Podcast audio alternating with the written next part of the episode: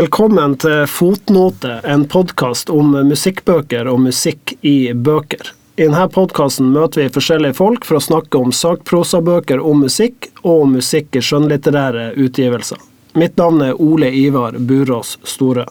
Dagens gjest er forfatter og journalist Kristin Storhusen. Velkommen. Tusen takk.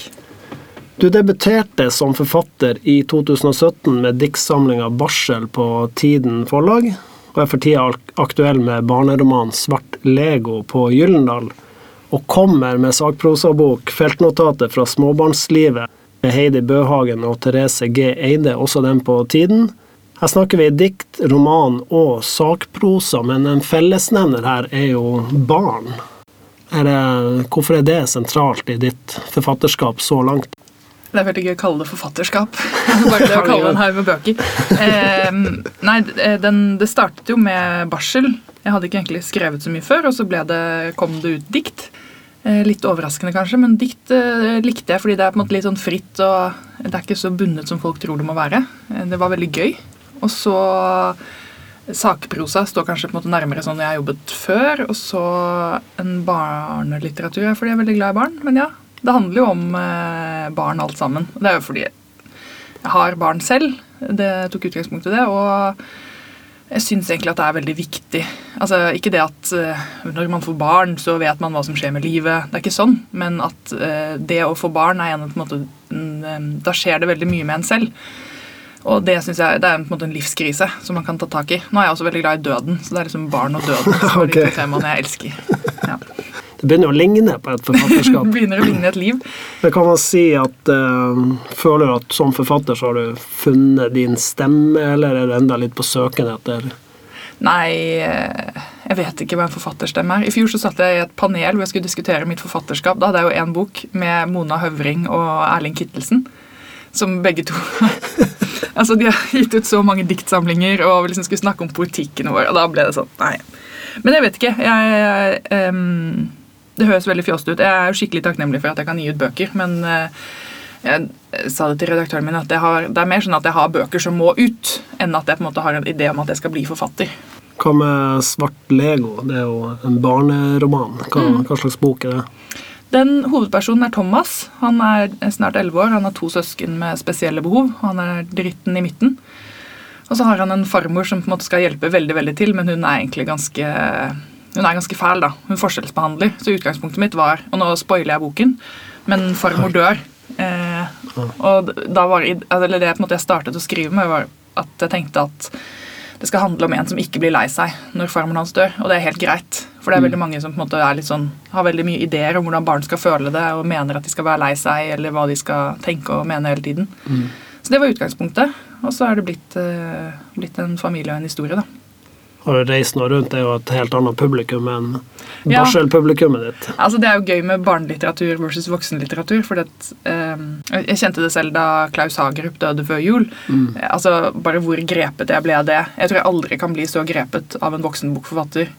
Eh, uansett på en måte hvor, eh, hvor viktig det kan være. Mens når man gir ut en barnebok, så er det litt sånn Farvel, fly lille fugl, ut i verden. Og de leserne som den kanskje virkelig treffer, er jo de jeg ikke hører mest fra. Mm. Sammenlignet med barsel så på en måte kan de sende en melding og sånn. Men jeg har fått noen tilbakemeldinger som er hyggelige og, og fine. Men jeg vet jo på en måte at kanskje de viktigste lesningene av Svart Lego imot, at, at kanskje de viktigste lesningene av barsel, de hørte jeg om. Men det er ikke sikkert jeg får høre om de viktigste lesningene av Svart Lego. Men den uh, tittelen, Svart Lego, hva, mm. hva ligger i den?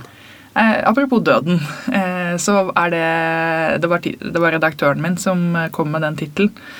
Og det er at eh, eh, på slutten, da, når han på en måte, etter at farmor er død, og han ser på en måte at det går ganske greit med mamma og pappa, så sier han at eh, han trodde at når man skulle sørge, at når man var lei seg, så måtte man bare bygge med svart Lego. Men han har jo lyst til å bygge med alle fargene. Og det er på en måte noe som er veldig viktig for meg sånn generelt. Da, at sorg ikke er én én eh, fasett. Det er ikke depresjon. Det er ikke liksom én måte å sørge på, men det kan være veldig mange forskjellige ting. Og alle ting på en gang, da. Mm. Du er også en god formidler av andres eh, litteratur. Takk, takk. Hva, hva må til, mener du, for at formidlinga skal, skal, være god? Sjel og følelser. Eh, altså, jeg tror man kan, man kan sikkert være litt lav på følelsesspekteret og klare å fortelle ordentlig om bøker også, men eh, det er på en måte noe med ærligheten. Og det kan være like god formidling å si hva man ikke likte ved en bok, og være litt sånn ja, 'Denne tente meg ikke', eller 'dette traff meg ikke', men at hvis ikke hjertet er med på et eller annet vis, så tror jeg det blir ganske tomt.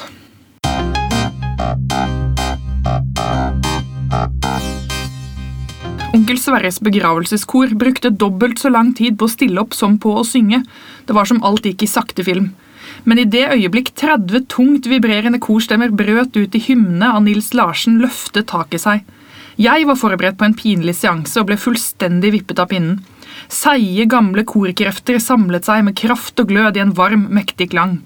På forunderlig vis utjevnet de hverandres skjelvende vibrato, og de sang oss fullstendig i senk. Det slo meg plutselig at disse menneskene måtte ha funnet ungdomskilden. Kontrasten mellom bilde og lyd var påfallende.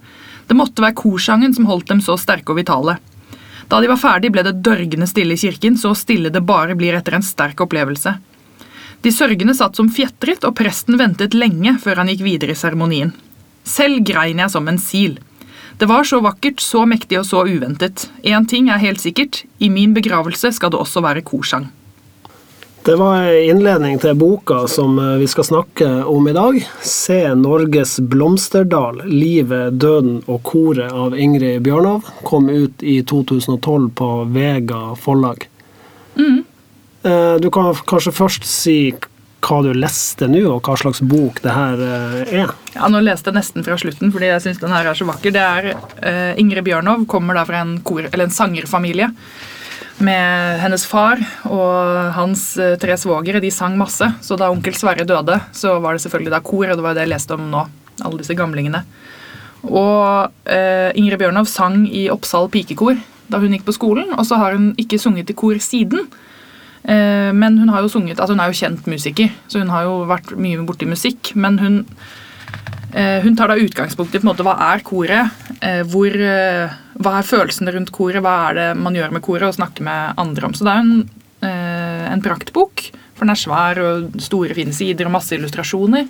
Lisa Aisato har illustrert en god del. I 2012 så var jo ikke Lisa Aisato så stor som hun er i dag, så det er litt gøy.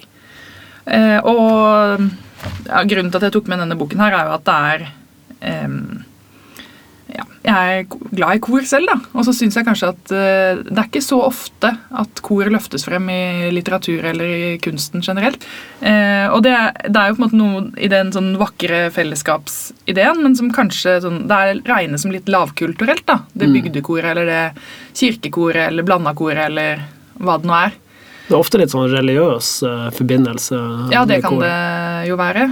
Jeg, jeg vet ikke om de fleste sånn voksenkor altså Man øver jo ofte i kirken, da. Men eh, hvor kristne de, de egentlig er, det er vel litt sånn variasjon. Det er mange hyklere i, koret. Ja, det tror jeg. jeg har, eh, men det er jo en god del folk som kan mye salmer, og som ikke nødvendigvis tror så mye. Og det, akkurat den med salmer og sånn føler jeg kanskje kommer litt tilbake nå etter den store salmerunden. og Ja, Men det at det er så mye sånn-. Ja, men det er så mye salme minutt for minutt. Eller alt er minutt for minutt. Men eh, ja, uansett, jeg er veldig veldig glad i kor, så jeg er på en måte glad i ethvert initiativ som vil løfte koret. Og så er det Skulle ønske at det var mer kor i, i skjønnlitteraturen også, da, hvis jeg kan komme med et ønske. Fordi koret er jo en Det er jo en syder jo av muligheter til konflikter og uenigheter og Det her er jo din neste bok, ikke? Ja, det er jo det. Der er eh, venter på Jeg redigerer det bort, eh, Ja, akkurat det her. Så ingen tar, ingen tar den. Nei, vet du hva. Hvis det kommer flere korbøker, så må du gjerne gjøre det. det Men koret har jo blitt litt sånn eh, allment akseptert, må man jo kunne si. Det, det popper jo opp et kor i hver eneste vennekrets rundt omkring. Eh, men før så var det kanskje mer, som du sier, det tilhørte kanskje kirka, eller det var veldig sånn organisert. Mens nå virker det som det blir en sånn sosial greie. Ja, jeg håper det. Jeg vet ikke hvor mye man synger. Altså, det er jo vanskelig å sånn, På seg selv så kjenner man ingen andre eh, tanke, men eh, i hvert fall mitt inntrykk er at det er veldig mange som tror at de ikke kan synge, eller som på en måte ikke er med å synge eh, når det skjer et eller annet. Og sang er, det er jo noe med det å, altså En ting er å synge og synge solo. Det er jo flott med de som på en måte har, eh, kan gjøre det, men det å synge sammen er jo helt magisk. Hvis jeg kan få liksom løfte musikkopplevelser, så det å på en måte føle at man er en del av noe større Jeg lærte piano da jeg var liten, så det er jo en sånn Da er man jo alltid bare solist. Eh, mens jeg skulle ønske jeg hadde spilt i korps eller et eller annet hvor man kan få føle at man er med på et eller annet større. Norge er veldig glad i sånn allsang. Man Ja, synger jo til enhver anledning. Ja, og det jo, men så blir det jo ledd av den rosa sangen, og Ja. det er, mange, det er mye, mye rar allsang. Så jeg savner kanskje den eh, Eller ja, nei, jeg er jo Jeg tenker man skal ikke påtvinge folk å synge sammen, men fall, og det sier også forskningen her, det er jo at man blir jo lykkeligere av å synge sammen. De har sett på hjerterytme, de kan se på stressnivåer og på kortisol og oksytocin og alt mulig, så er bare alt er positivt med å synge i kor.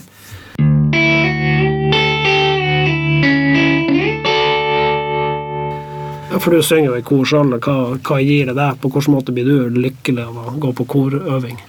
Jeg tror hvis man, ja, Det er liksom ikke øvelsene, det er liksom slitsomt å komme seg til. og sånn, Men å komme på øvelse og så begynne med den oppvarmingen altså Egentlig burde man bare gjøre det sånn strekke på skuldrene og rulle og kjenne etter hele munnen. Det jo, gir jo mening.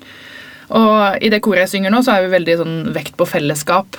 Og det er på en måte mye vennskap og, og bånd som skal knyttes. Så det er kjempeviktig å på en måte føle at man har gjengen sin. da, En sånn gjengfølelse.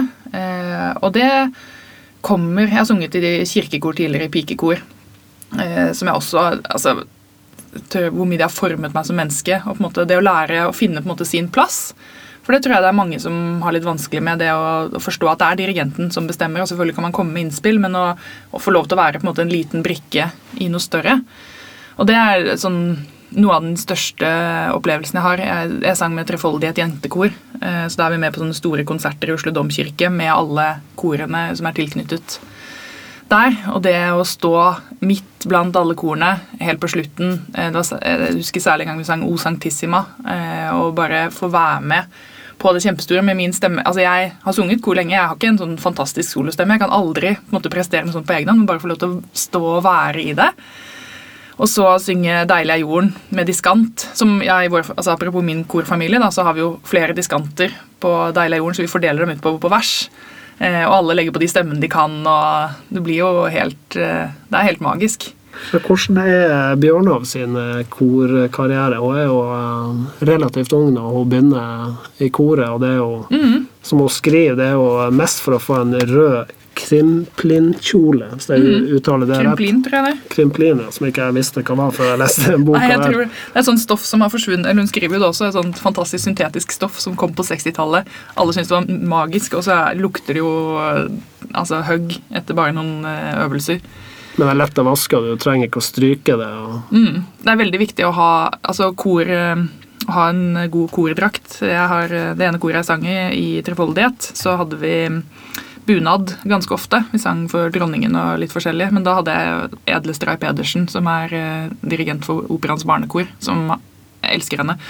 Eh, og hun var alltid sånn eh, Ustrøket bunadsskjorte er vår uniform. Vi kan ikke, hvis vi opptrer i bunad tre ganger på en uke, så kan du ikke holde på å stryke og vaske mellom. Det er ingen som ser så nøye. Så vi har hatt noen rare Det er faktisk et nydelig bilde i den boka, og ganske tidlig, tror jeg, av Ingrid Bjørnov og søstera si. Der søstera faktisk har fått den kjolen, men Mm. Ingrid Bjørnov er Aspirant. ja, vokst ut av bunaden sin. Og Ja. Det er et helt nydelig bilde. Altså, det, det er jo noe sånn nostalgisk. Jeg tenker at det er kanskje her eh, Her knyttet til alle de sånn bildene og den mimringen rundt Oppsal pikekor, så er det jo på en måte praktbok. Eh, tematikken kommer veldig frem, og sammen med bilder og på en måte utdrag fra pikekorets regler og bildene av henne som det er ung, det er jo gøy å lese. Det jeg på en måte er interessert i, det er sånn identiteten og musikken. Hva gjør den sammen med? Det synes jeg Eh, Jeg syns Bjørnov klarer å få frem ganske fint måte, sånn, den lengselen etter å på en måte få være del av et kor. Og alle de rare, Hun kan f.eks. tredjestemmen til Finlands nasjonalsang, som hun alltid vil kunne.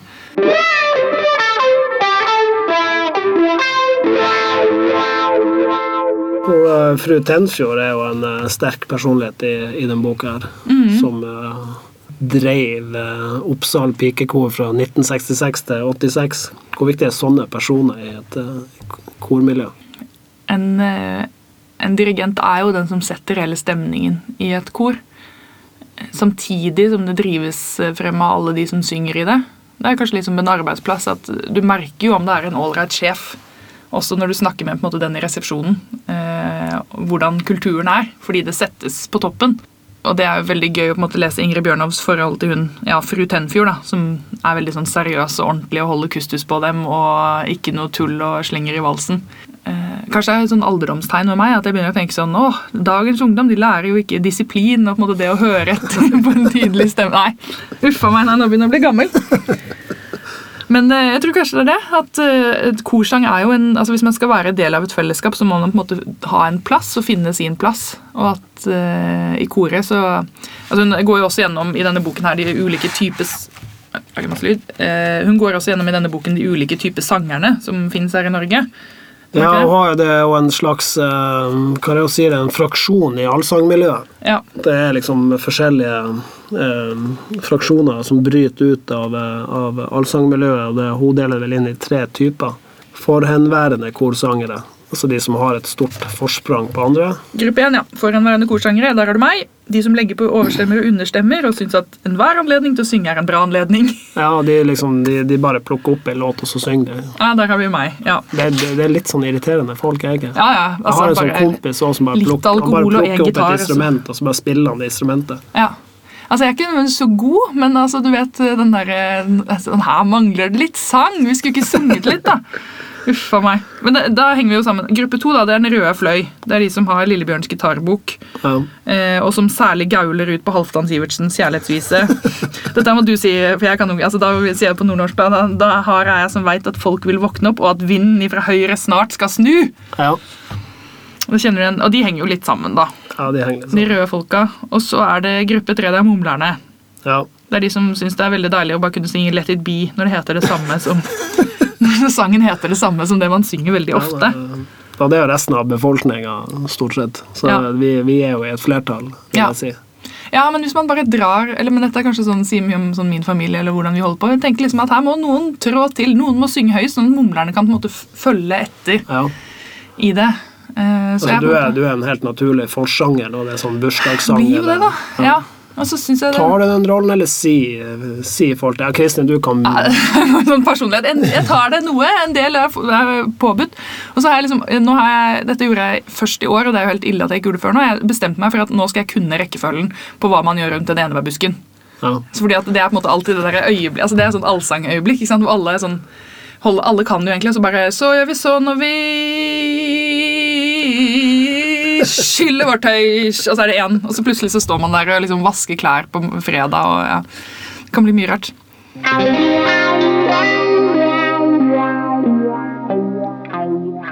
Hvor viktig har koret vært for Ingrid Bjørnov sin musikkarriere? Det er litt vanskelig faktisk å si etter, denne, etter bare å ha lest denne her som dokument. Eh, det er på en måte grunnlaget og hvorfor hun begynner med musikk. Men hun sluttet jo og ble veldig revet med i den måte, solo- og Grand Prix- og musikalverden veldig fort. Men jeg tenker kanskje at øh, hun egentlig er eller hun kanskje antyder, hun er egentlig på en måte en korist innerst inne som bare har holdt på med veldig mye annet ellers. Så kanskje hvis Ingrid Bjørnov hadde blitt revisor eller eh, lærer, så hadde hun sunget i kor øh, hele veien likevel. Åh, Hun hadde vært flott å ha med i kor. Hun har jo sunget mye sammen med Oslo Fagottkor. Ja, Vært fast, det skriver hun jo om i, Mm, i hun har det så vidt i boken, og det, der har hun jo vært kjempeflink. Hun er jo veldig morsom. og i det hele tatt. Men jeg tror nok hun kunne vært en eh, Hvis hun sto som alltid et vanlig kor, så er hun en type som tar mye plass. da. Ja. Spennende å se. Ja, for hun er jo veldig opptatt av koret som inngangsport til musikken. Eh, Men hun er også veldig begeistra for de menneskene som er rundt. og også den kommunale musikkopplæringa for en billig penge, som jeg syns også er viktig å trekke frem om hvordan Her ligger noe av kjernen, tenker jeg, i kor, korps og for så vidt øvingshotell og kulturskoler òg. At det faktisk finnes et offentlig tilbud der en kan være med uten at det koster for mye. Ja, og jeg skulle gjerne ønske at det var mer tilbud. Jeg sjekket, Nå bor jeg i Oslo sentrum. Og så sjekket jeg for disse barna mine om det fantes noe sånn minikor. Og da tenker jeg sånn, jeg skal ikke ha um, uh, Det sier jo mye om meg som forelder, da, men jeg er veldig sånn opptatt av at jeg skal ikke liksom skape sånne broilere som skal bli best, eller som skal kommes på inn på Musikkhøgskolen. Jeg har bare lyst til at de skal begynne å synge i kor tidlig. Og da er det eneste tilbudet er kirkekor, eh, hvor det er eh, sang, sang og litt andakt og boller sammen med kateketen. Og det er jo fint, men eh, det, der, i hvert fall på barnenivå, så mangler jo helt klart den på en måte eh, rørsla innenfor sekulær korsang da, for barn. Så får se om, eh, om jeg gjør alvor av planen en dag om å lage barnekor for eh, og Man kan jo godt må- synge salmer og på en måte Synge punklåter. Ja, Barnekor synger punk. det er gøy. Det er gøy. Ja. Vi får uh, tenke litt på repertoaret. Alt er jo gøy når barn synger det. Ja, det er jo egentlig det. Men jeg er jo veldig opptatt av koret som, eh, som hobby. Det her eh, Altså Hun sier vel litt om at det er litt tilfeldig hvordan man finner hobbyene sine, men i hennes tilfelle så er det jo ikke helt tilfeldig at hun begynner i kor, for hun, det er vel en sånn fjerdegenerasjons ledd med, kor, med korfolk i familien, og det har på en måte blitt en sånn familietradisjon, nesten. Hvordan eh, Jeg vet ikke hva din inngang til koret, er det også fra familiesida, eller? eh, Det er familieside, ja. Ja, så du er ikke det sorte fåret i Nei, men eh, det er, jo, altså, det er jo gøy med familie sånn generelt, fordi familie er Det kommer veldig fra min mors side av familien, så vi, synger vi mye og har familiekor og forskjellige ting. Mens min farmor fikk vite da hun var liten at hun ikke kunne synge. Hun hadde så fryktelig stemme. Og jeg tror, altså, Hva slags beskjed lærere ga på 40-tallet, er litt sånn annerledes enn hva de sier i dag. Jeg tror ikke en, måte, lærer i dag ville sagt sånn Nei, du, du burde ikke synge. Men det hadde jo da en lærer sagt på et uh, avgjørende tidspunkt til min farmor. Jeg tror ikke det var praktisk-pedagogisk utdanning. Nei, det var liksom ikke helt det. Så hun har jo, måte, og hun har jo vært egentlig veldig glad i musikk, men alltid på en måte uansett da, ikke, eh, ikke kunne løsne fra det. Eh, Så hun er jo på en måte så glad når vi synger og når vi er med på et eller annet og har vært med på, på noe. Og nå er det ikke så lenge siden vi besøkte henne på eh, Hun har demens, Ja. bor på gamlehjem. Og da begynte vi bare å sitte sammen og synge. Og hun, nå er hun da var hun på en måte ganske langt inn i sånn fantasi, men når vi synger sjanger også som hun kan, og bare legger på så, så sitter hun på en måte og hører på og er helt med, da. Og kan også huske tekst og i det hele tatt. Det skriver vel Bjørnov også om. Ja, fa- men ikke faren. Jo, Ja, faren blir dement hjerne- tidlig. Hjerneslag, men han husker jo sanger. Om noe, da, så er det jo på en måte kanskje verdt å synge i kor. Bare i tilfelle man skulle bli dement, så kan man sitte og ha noe hyggeligere og, og gjøre enn å irritere seg over et eller annet annet. Så er det jo i denne boka, syns jeg, veldig mange artige og rørende bilder også. Mm. Eh, og jeg syns hun skriver på en lett og ledig måte. Hun har veldig mye selvironi.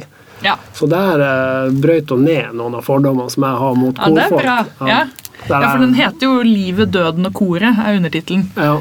Så det, sier det er jo noe med på en måte, altså sånn, Selv om det er litt tøysete, så er det jo noe med alvorlighetsgraden i det. da, Og humoren eh, knyttet til det.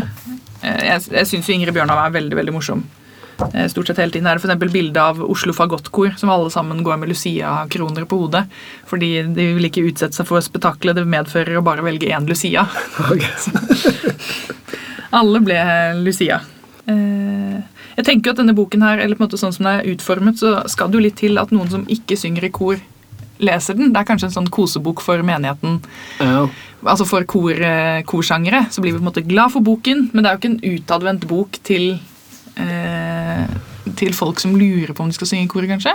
Nei, altså, Du, altså, det er fint at du hadde glede av den, men du ville jo kanskje ikke plukket den opp. Nei, det ville jeg nok ikke ha gjort. Men når jeg først har lest den, så jeg kunne jo altså alt det der kan du si, organiseringa rundt koret med de voksne sånn, det kan jeg jo kjenne igjen fra idrettsmiljøet, som jeg var en del av da jeg vokste opp. Det er det samme dedikasjon hos voksne som legger til rette for at barn skal få lov til å, til å drive med. Så vi hadde jo en, om det ikke var en fru Tenfjord, så hadde vi jo en herr Ja. eh, på fotballen, ikke sant, som, ja. Altså, som var en ildsjel. I koret mitt nå så får jeg gleden Jeg er økonomiansvarlig i koret mitt sitter i styret, så da får Mm. jeg gleden av å være den som sender ut sånn Hei, hei, alle sammen! Nå skal kontingenten inn! Denne kontoen! Fort, fort, betal, så blir ikke jeg så sur! Så, altså, koret er jo også en anledning til Kanskje det at eh, Altså Hvorfor man driver med en hobby, det er jo mange grunner til det. En ting er jo på en måte det sånn faglige, eller sånn at, å lære seg en ting, men det er jo også noe med å noen av oss liker å administrere litt, eller eh, det sosiale, og at mange er medlem av ulike grunner. Det er jo ikke sånn at for å, Hvis du skal være medlem i et kor, så må det være fordi du er det fordi det er religiøse grunner, eller fordi du skal være så proff, men det kan jo også være sosialt, eller som et tiltak. Ja, kanskje det er det. At eh, kor er ikke bare det musikalske, men det handler også mye om musikken og alt det rundt, og bussturene og krimplinkjolene og medaljene og hva det måtte være. Mm.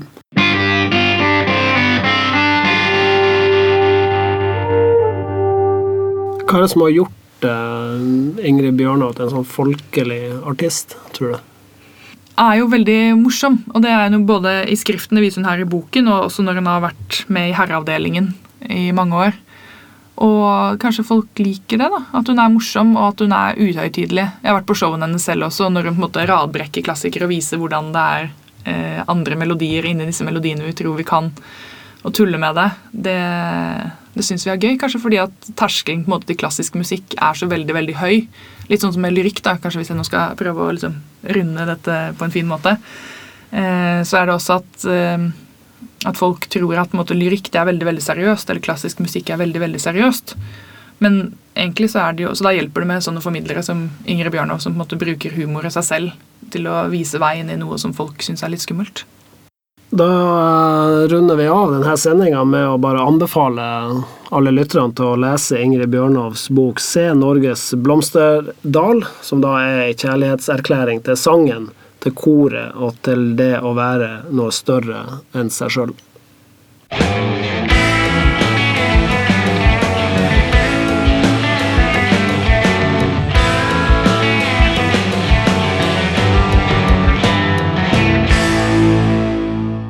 Fotnote presenteres av musikknyheter.no og er laga av Ole Ivar Burås Store.